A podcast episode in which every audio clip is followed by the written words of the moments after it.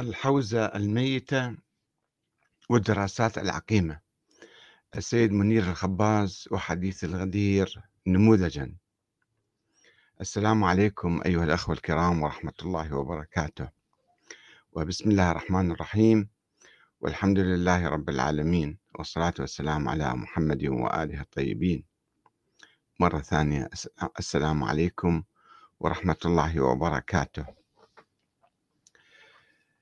الأمم تتقدم بجامعاتها تتقدم بالعلم في هذه الجامعات. وكلما كانت الجامعات عريقة وقوية كلما ساهمت في تقدم آه، تلك البلاد. حتى الجيوش الجيوش القوية هي بجامعاتها العسكرية. الكليات العسكرية هي قلب الجيوش أكثر من الصواريخ والدبابات والمدافع والرصاص. والجيوش التي لا تمتلك كليات عسكرية جيوش فاشلة. كذلك الحوزة التي يفترض فيها أن تكون قلب الإسلام وقلب التشيع. المدارس الدينية عموما أقصد. وأخصص بالذات الحوزة آه، الشيعية في النجف مثلا وفي قم. عندما تكون هذه الحوزة آه، معاصرة وعلمية وقوية تنتج مجتمعا آه، متقدما وصالحا. وعندما تعيش في الخرافة والأساطير والأبحاث العقيمة سوف تضر المجتمع. لا أنها لا تفيد المجتمع فقط وإنما تضره وتجره إلى الوراء وإلى الأسفل. الحوزة منذ قرون الحوزة في حوزتنا الشيعية منذ قرون هي تعيش في التاريخ السحيق وتكرر النظريات القديمة البائدة. تعذروني شوية.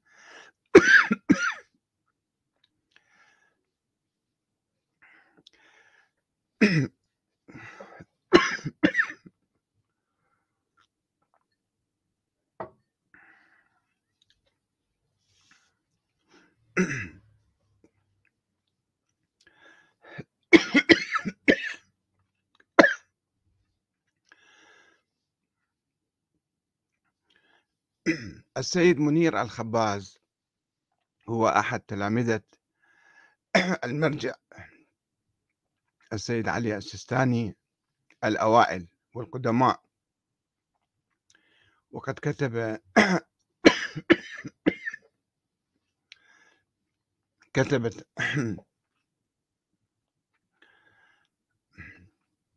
كتب تقريراته لدروس السيد السيستاني في الأصول آه، في كتاب الرافد في الأصول الرافد في علم الأصول الذي نشره عام 1994 تقريبا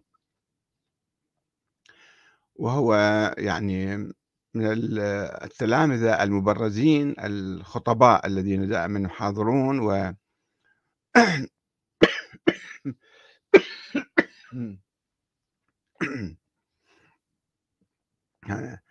كنت كم يوم شوية يعني صحتي مو هالقد فحاولت اليوم حسيت شوية أفضل ولكن يبدو عليه لا زال بعض آثار الاستبراد. آه، كتب مقالا في آه، مجلة شفقنا الإلكترونية التابعة لمكتب السيد السيستاني بتاريخ 15 تموز 2022 آه، تحت عنوان حقيقة الإمامة في آفاق حديث الغدير. وكما تعرفون موضوع الإمامة هو موضوع قديم آه، مثل بناه الشيعة ولكن ما ما هي علاقة هذا الموضوع موضوع الإمامة بالإمامة المعاصرة بالأنظمة السياسية المستبدة والطاغية والعميلة والمطبعة آآ في عالمنا المعاصر ما هي علاقة موضوع الإمامة نبحث موضوع الإمامة. الإمامة لعلي بن أبي طالب وحديث الغدير يدل عليها طيب ثم ماذا؟ بعدين ماذا نحصل من هذا ال النقاش من هذا البحث وهذا الحوار؟ هل هذا بحث يفيدنا اليوم في حياتنا الدينية والسياسية أم حديث عقيم لا فائدة منه. بغض النظر عن الأفكار المغالية التي يتضمنها الحديث آه، عن هذا الموضوع عن حديث الغدير.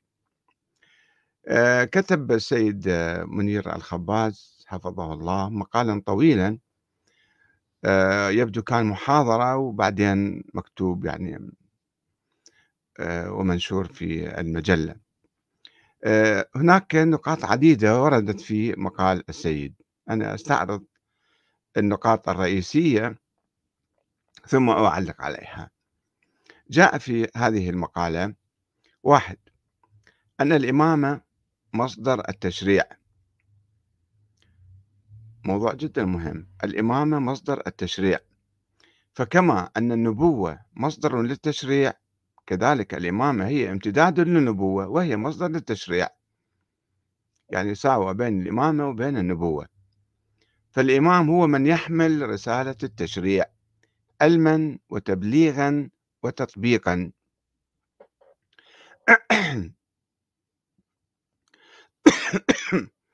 فالإمام حجة لأنه مصدر للتشريع.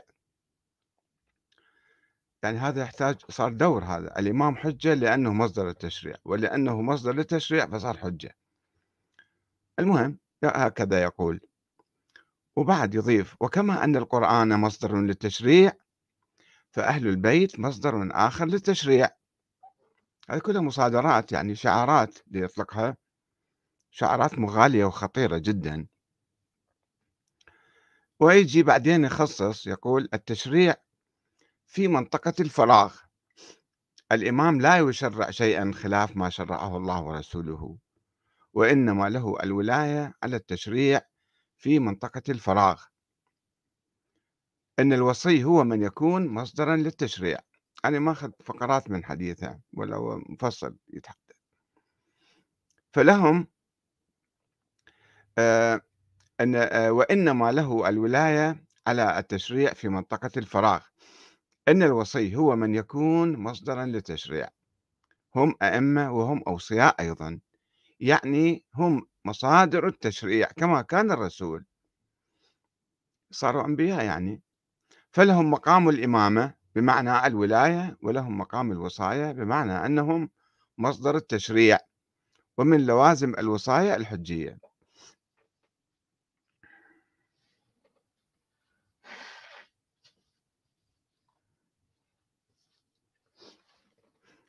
معذرتان. النقطة الثانية آآ آآ الإمامة هي الرئاسة في أمور الدين والدنيا وبتعبير آخر هي عبارة عن الولاية. أن له الولاية يعني الإمام يعني هو يقصد الإمام علي بعدين يعم على كل الأئمة. أن له الولاية في مجال التشريع وفي مجال الإدارة إدارة الدولة يعني.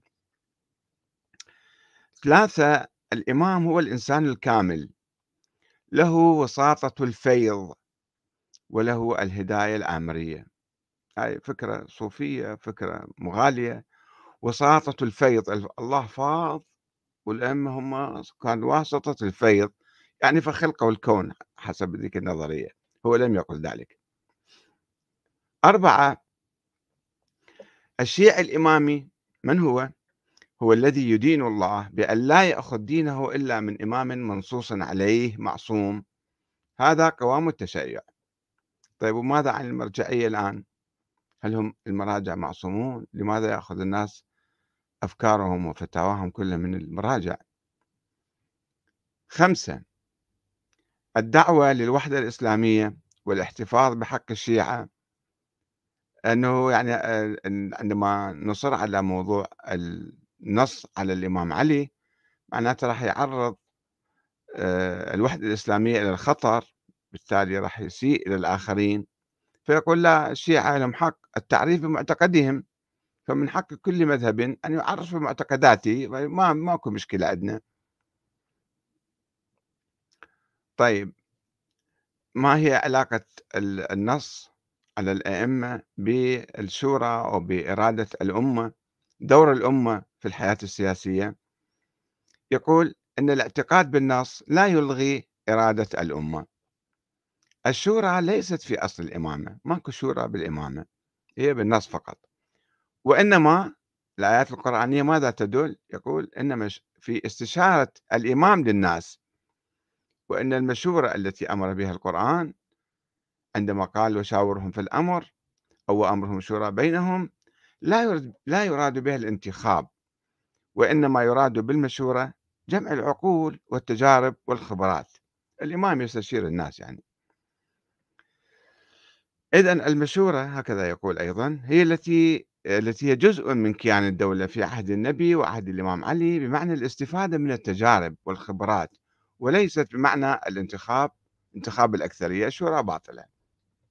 شورى في الولاية وبالإمامة ما يجوز. طيب الأكثرية شنو تعني؟ النقطة السابعة بجدارة هذا المنصب أو بجدارة لهذا المنصب. طيب وين هم الأئمة الآن؟ هذا مو بحثنا الآن. آه، ثمانية حصر الإمامة بعلي وذريته. ليش هذا صار احتكار يعني؟ يقول كما جعل الله النبوة في ذرية إبراهيم وجعلناها في ذريته وجعلنا في ذريته النبوة والكتاب. حسب القرآن الكريم فإذا مو مشكلة. أن تكون الإمامة في ذرية علي. طيب يا ذرية مثلا سنجي نعلق على المواضيع. تسعة. إن الولاية الواردة في حديث الغدير بها معنى طبعا كثير الولاية من كنت مولاه فهذا علي مولاه يعني 20 28 معنى في الولاية. هنا يقول إن الولاية الواردة في حديث الغدير ليست بمعنى النصرة. ولا بمعنى المحبة وإنما بمعنى أن له الولاية العامة على الأنفس والأعراض والأموال. فمن كنت مولاه فهذا علي مولاه أي من ثبتت الولاية لي عليه فقد ثبتت لعلي الولاية عليه. عشرة. الأمر بتنصيب علي نزل والرسول في مكة.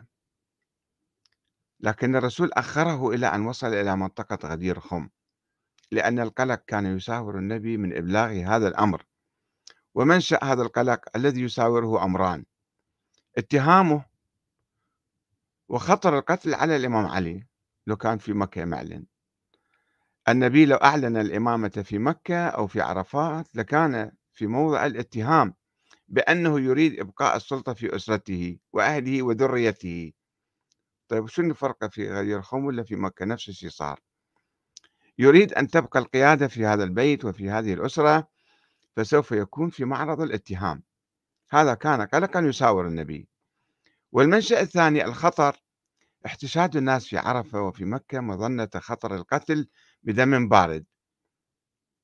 احتمالات ما أعرف وين جايبها المهم حيث لا يعرف القاتل في وسط احتشاد الناس وتصير فوضى هذا المعنى يعبر عنه الإمام الباقر حيث يقول فلما أتاه الأمر من الله ضاق صدره وخاف أن يرتد العرب عن دينهم وأن يكذبوه.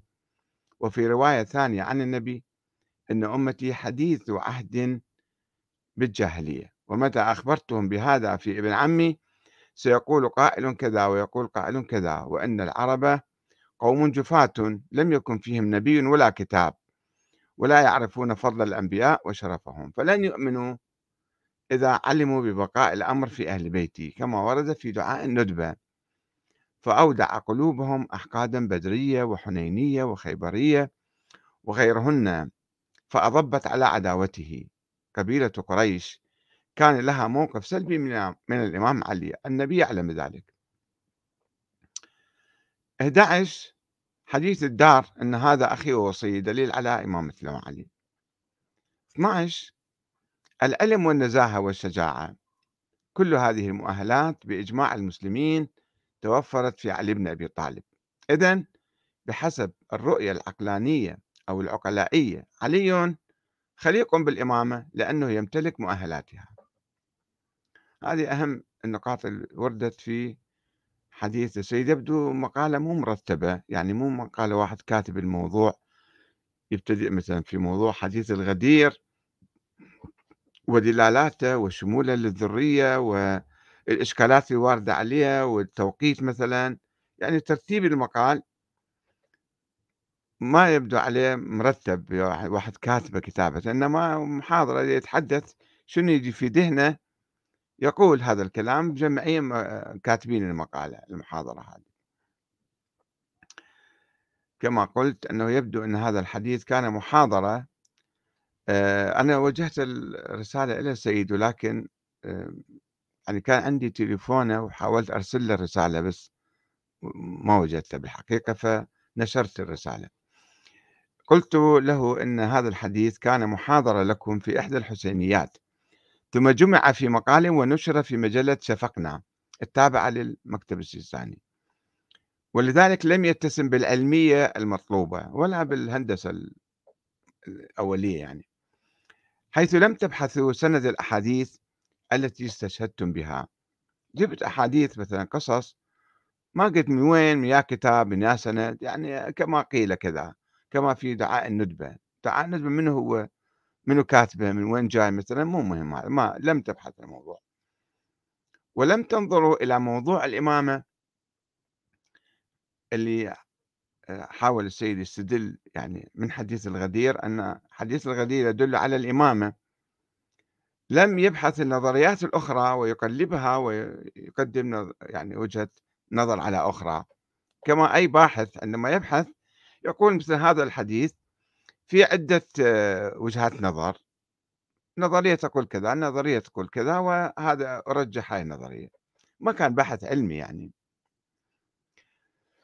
ككل أبحاث الخطباء إنما يبحثون يعني فقط يوجه رسالة من خط واحد يعني ما ي... حتى ما يذكر أي وجهة نظر أخرى. وإنما حاولتم أن تنظروا لموضوع أو تنظروا لموضوع الإمامة حسب التراث الشيعي الموروث. كدأب كثيرا من الخطباء الذين يحاولون الدفاع عن النظريات السائدة في المجتمع الشيعي. دون أن يبحثوا الموضوع من وجهات النظر المختلفة. وفي الحقيقة لم نكن لنقف على ما جاء في محاضرتكم أو مقالكم أو الرد عليه لولا أنكم تحتلون موقعا حوزويا متقدما. فأنتم أحد تلاميذ المرجع السيد علي السيستاني. وكنتم قد كتبتم تقريراته التي ألقاها عليكم قبل حوالي أربعين عاما ونشرتموها تحت عنوان الرافد في علم الأصول في التسعينات من القرن الماضي. ولا ندري هل ما طرحتم من أفكار حول الإمامة حول حديث الغدير في محاضرتكم الأخيرة أو مقالكم المنشور في مجلة شفقنا مما استفدتموه من دروس أستاذكم السيستاني أم من أنفسكم؟ هل عرضتم ما طرحتم من أفكار حول الإمامة على السيد السيستاني أم لا؟ يعني واحد طالب مبرز في الحوزة يجي يبحث الموضوع هل بحثه في حلقات الدرس؟ أم هو يعني آه، بصورة فردية حاول أن يستنبط هاي الأفكار من حديث الغدير. وعلى أي حال هي أفكار موجودة منذ القدم في الحوزة مو جديدة يعني من أيام الشيخ المفيد. وقد اعتمدتم على ما روى الكليني في الكافي وما كتب الشيخ المفيد في الخصال والإفصاح كما كان يستشهد دائما يعني قبل ألف عام. وكنا ننتظر من حضرتكم الاجتهاد في موضوع الإمامة وعدم التقليد. اللي هو التقليد اللي يغلب على الحوزة دائما كلها مقلدين في هاي الأمور مقلدون الشيخ المفيد. والإجتهاد من خارج الصندوق لا من داخله يعني مو واحد هو يقول أنا شيعي إمامي 12 ويحاول أن آه، يستعين بكل شيء لكي يثبت نظريته. لا بد لك لأي مجتهد أن يخرج خارج يتخذ موقف حيادي ثم ينظر إلى الأمور كلها بعين الشك والشك المنهجي الأولي وينظر باحترام للردود الأخرى ووجهات النظر الأخرى ويستعرضها جميعا ثم يفكر بصورة حرة ومستقلة. لا من داخل الصندوق وذلك بالنظر بصورة محايدة إلى الأدلة والبراهين التي تثبت موضوع الإمامة وعدم الاعتماد على أقوال مشايخ الطائفة الاثنى عشرية اللي قبل ألف سنة كانوا وحتى إلى الروايات المنسوبة إلى الإمام محمد الباقر مؤسس النظرية الإمامية أنه هذه سندها صحيح حجية كلام الإمام الباقر هذا مسألة أولية يجب أن تثبتها ثم تستشهد بما يقول الإمام الباقر لا يجوز أن أنت لأنك شيعي تؤمن بأصمته وإمامته تقول كل كلامه وحي منزل. هذا ما ما بحث علمي وما يسمى بحث اجتهادي يسمى تقليد تقليد في تقليد. ولكنكم استندتم في دفاعكم عن نظرية الإمامة إلى أحاديث ضعيفة أو مختلقة أو تأويلات تعسفية لبعضها مثل حديث الدار. اللي ذكره محمد بن إسحاق في أول كتابه في المغازي أو آه هذا الحديث موضوع الذي لم يذكره إلا هذا المؤرخ الشيعي محمد بن إسحاق في المغازي أو السيرة النبوية كما سواها ابن هشام يعني بعدين. وتضمن حديث الدار اقروا تضمن قيام النبي بمعجزة تمثلت في إطعام عشيرة النبي. عندما نزلت الآية وأنذر عشيرتك الأقربين فالنبي قال للإمام علي روح اطبخ لنا طبيخ يعني فخذ لحم مال نفرين ثلاثة أو نفر واحد وجاب آه، لهم لبن وأطعم العشيرة كلهم من هذا القدر. آه، فسوى معجزة. تضمنت بقيام النبي بمعجزة تمثلت في إطعام عشيرة النبي بطعام رجل واحد. مما دفع أبا لهب للتعجب والقول لقد سحركم محمد. وطرح النبي بعدين مرة ثانية أيضا عزمهم وبسرعة بادر النبي. طرح النبي لموضوع الخلافة على أناس لم يؤمنوا بالإسلام بعد. يعني شنو الداعي تعال يدعوهم إلى توحيد الله بعد ما يؤمنون بالله وبوحدانيته يقول منو يبايعني منو يساعدني فيكون خليفتي من بعدي. وثم النبي طول حياته كأنه نسى هذا الموضوع.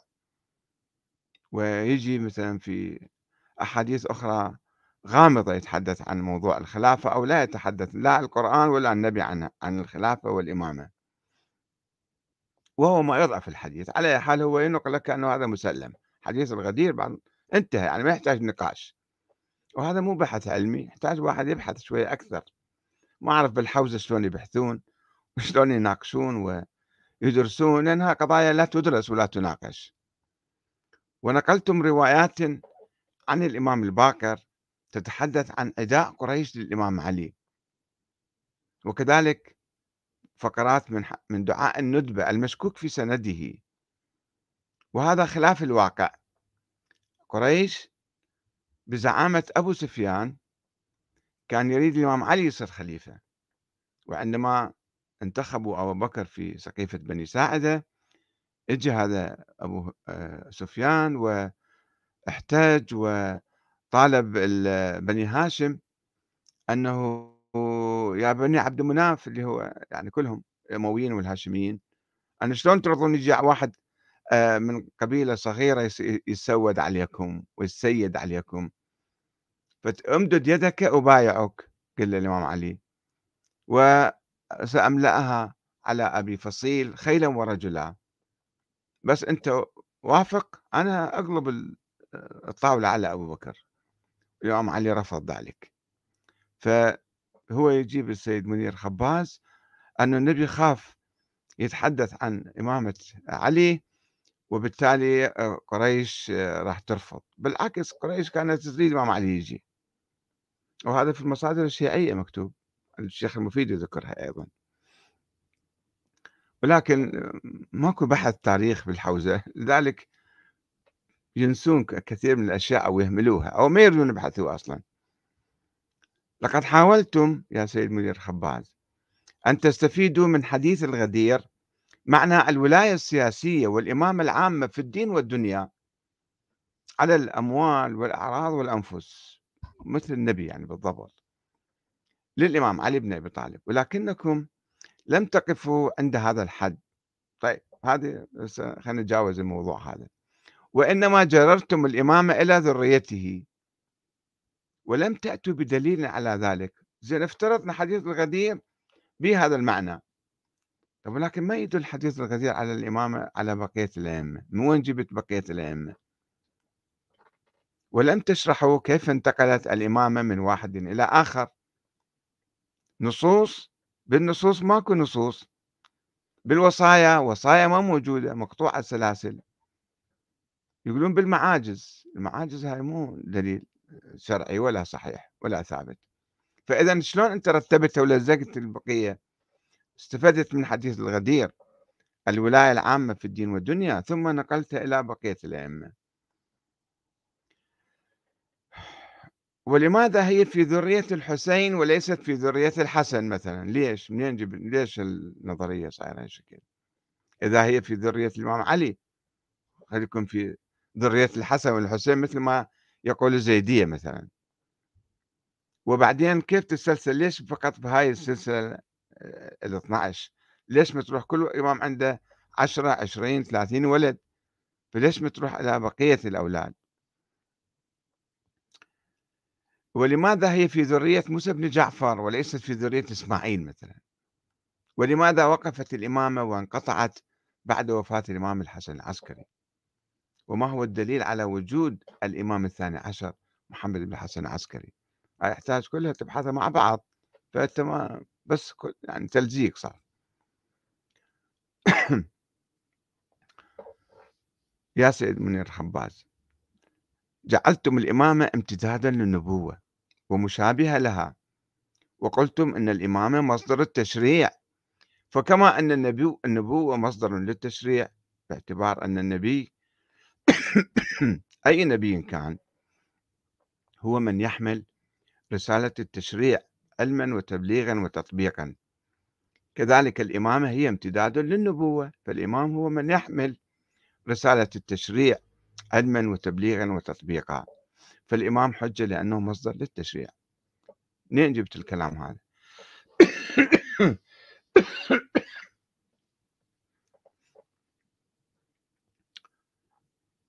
هذا الكلام مو علمي شعارات فقط وشعارات مغالية بكفر يعني هذا أنه الأئمة صاروا مصدر تشريع مثل القرآن ومثل النبي.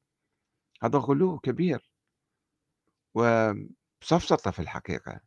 ما يعني كلام تقليدي فقط هذا الكلام الشائع بالحوزات قاعد تردده بس بصورة غير علمية.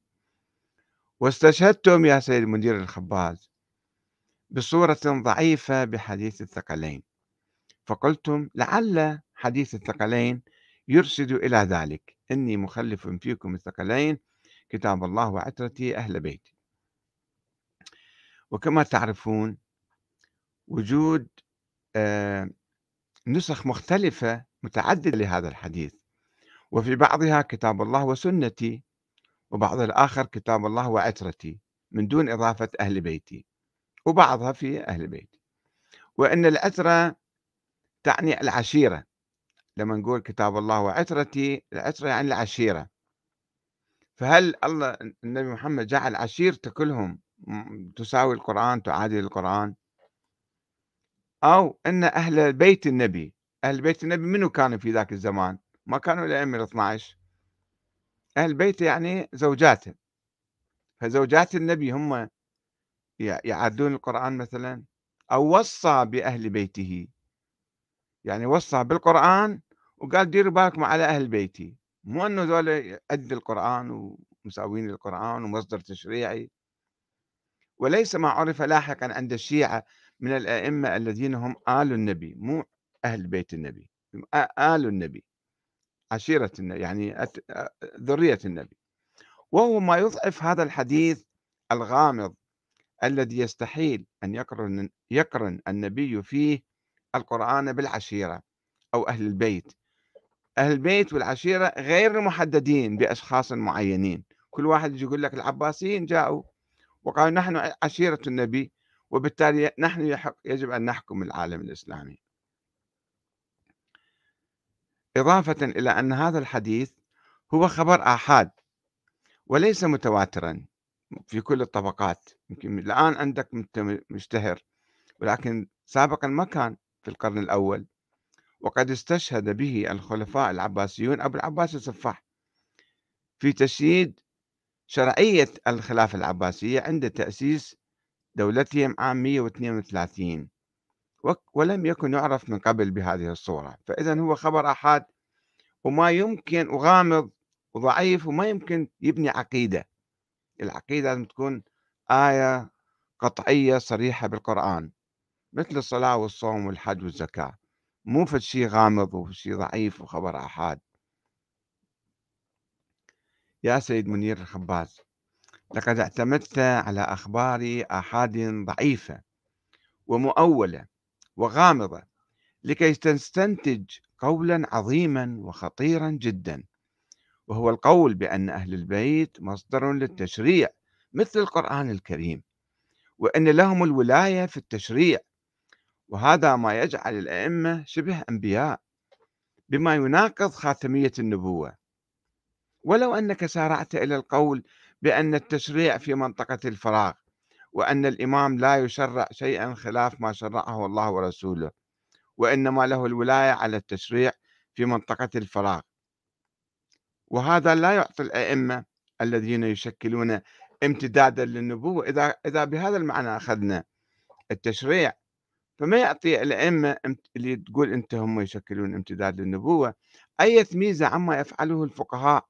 الآن مراجع مثلا يشرعون في منطقة الفراغ. أو الحكام.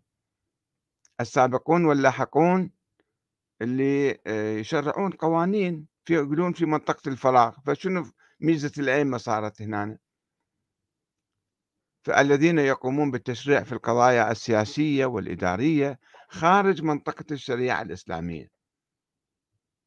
ولا أدري هل في قولك هذا آه، تراجع عما نقلته حضرتك يا سيد منير الخباز. عن أستاذك السيستاني في كتاب الرافد في علم الأصول صفحة 26 من أن الأئمة ينسخون القرآن والسنة النبوية وأحاديث الأئمة السابقين وأنهم يبلغون أحكاما جديدة وصلتهم عبر مكاتيب خاصة من النبي. نسيت هذا الكلام ولا تراجعت عنه أو تركته؟ إن شاء الله تكون يعني آه، يعني انتقدت هاي الفكرة أو تراجعت عنها لأن الفكرة أيضا خطيرة جدا. على أحد ما هو دليلك على وجود الإنسان الكامل الذي يقول به الصوفيون؟ يقول لا دائما لازم في الوجود في واحد إنسان كامل وأن له وساطة الفيض. وماذا تعني بذلك؟ وما هو الدليل على انطباق الإنسان الكامل على الأئمة الاثنى عشر؟ ومن هو الإنسان الكامل اليوم؟ أسئلة يعني سريعة بالحقيقة. لنترك هذا الموضوع وننتقل إلى الآثار السلبية لنظرية الإمامة على الوحدة الإسلامية والعلاقة بين السنة والشيعة اللي أنت أشرت إليها آه، السيد منير خباز يبسط الموضوع يبسط الموضوع إلى درجة كبيرة حيث يقول أن الهدف من طرح موضوع الإمامة التعريف بمعتقدنا ومن حق كل مذهب أن يعرف بمعتقداته ويتغافل عن الموقف السلبي من الصحابة والشيوخ الثلاثة الذين سبقوا الإمام علي في تبوء منصب الخلافة اللي هو هذا الموقف السلبي نتيجة لهذه العقيدة الافتراضية المغالية. أه وطبعا هذه العقيدة نظرية الإمام اللي يتمسك بها ويدافع عنها السيد منير خباز هي التي أه قال على أساسها من قال بردة الصحابة أو نفاقهم أو معاندتهم ومخالفتهم لوصية النبي الإمام علي في الإمامة. يعني إذا ثبتت أنه حديث الغدير كان في موضوع الإمامة. طيب كل المسلمين المهاجرون والأنصار كلهم نسوا أو ارتدوا أو نافقوا أو عصوا النبي وما سمعوا لكلام النبي. وصار لهم شهرين قبل كانوا مثلا بايعين الإمام علي على أساس. فهذا الكلام يعني ما يركب بالتاريخ. إلا أن تقول يعني يؤدي إلى موقف سلبي تيجي بعدين أنت تقول لا هذا ما يأثّر على الوحدة الإسلامية، كيف ما يأثّر على الوحدة الإسلامية؟ ما ينسف الوحدة الإسلامية. وتأليف القصص الأسطورية عن إرغامهم الصحابة أرغموا الإمام علي على بيعة أبي بكر واقتحموا بيت الزهراء وكسروا ضلعها وحرقوا باب دارها مما يؤدي إلى لعنهم والبراءة منهم ويقضي على أي إمكانية للوحدة الإسلامية وإشاعة روح الأخوة والمحبة بين المسلمين. فأنت قاعد تأكد على نظرية سلبية خطيرة تهدد وتنسف الوحدة الإسلامية وتقول لا ما ماكو مشكلة كل واحد حر أن يبين عقيدته. يعني هي شنو العقيدة؟ شنو تحصل من عندها؟ كيف يمكن إقامة الوحدة بين من يؤمن بالنص على الإمام علي؟ وأن الإمامة أصل من أصول الدين أو المذهب مع باقي المسلمين. كيف يمكن إقامة الوحدة مع باقي المسلمين الذين لا يعتقدون بذلك؟ ألم يحفر الإيمان بنظرية الإمامة خندقا بين الشيعة الإمامية وباقي المسلمين؟ ألم يكفر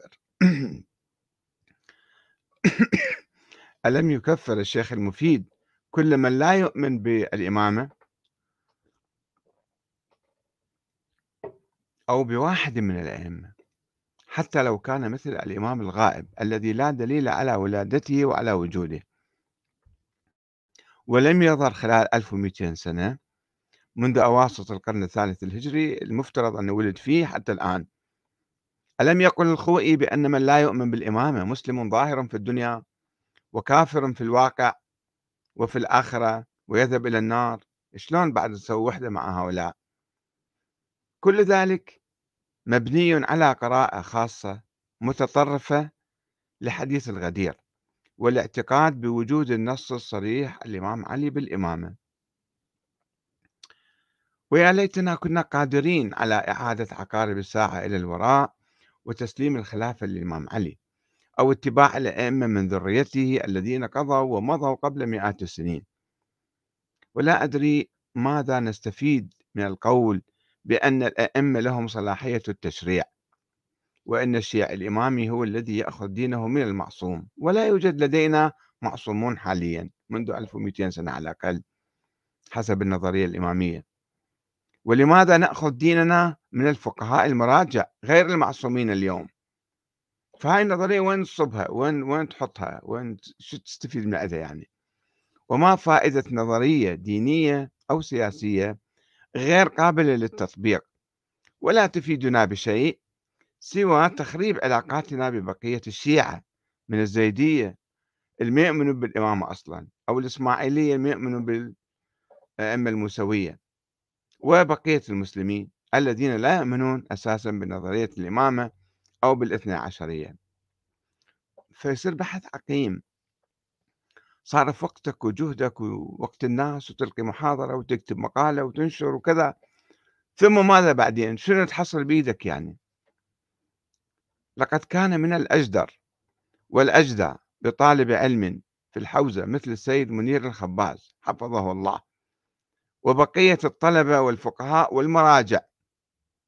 التنظير للنظام السياسي الصالح الذي يمكن تطبيقه اليوم في حياتنا المعاصرة وبعث الروح في حياة الأمة. يعني النظام يكون حي فيبعث الروح في الأمة ودفعها للمشاركة السياسية واختيار الحكام ومحاسبتهم وتغييرهم بدلا من الدفاع المستميت عن نظرية مثالية خيالية تاريخية وهمية أسطورية.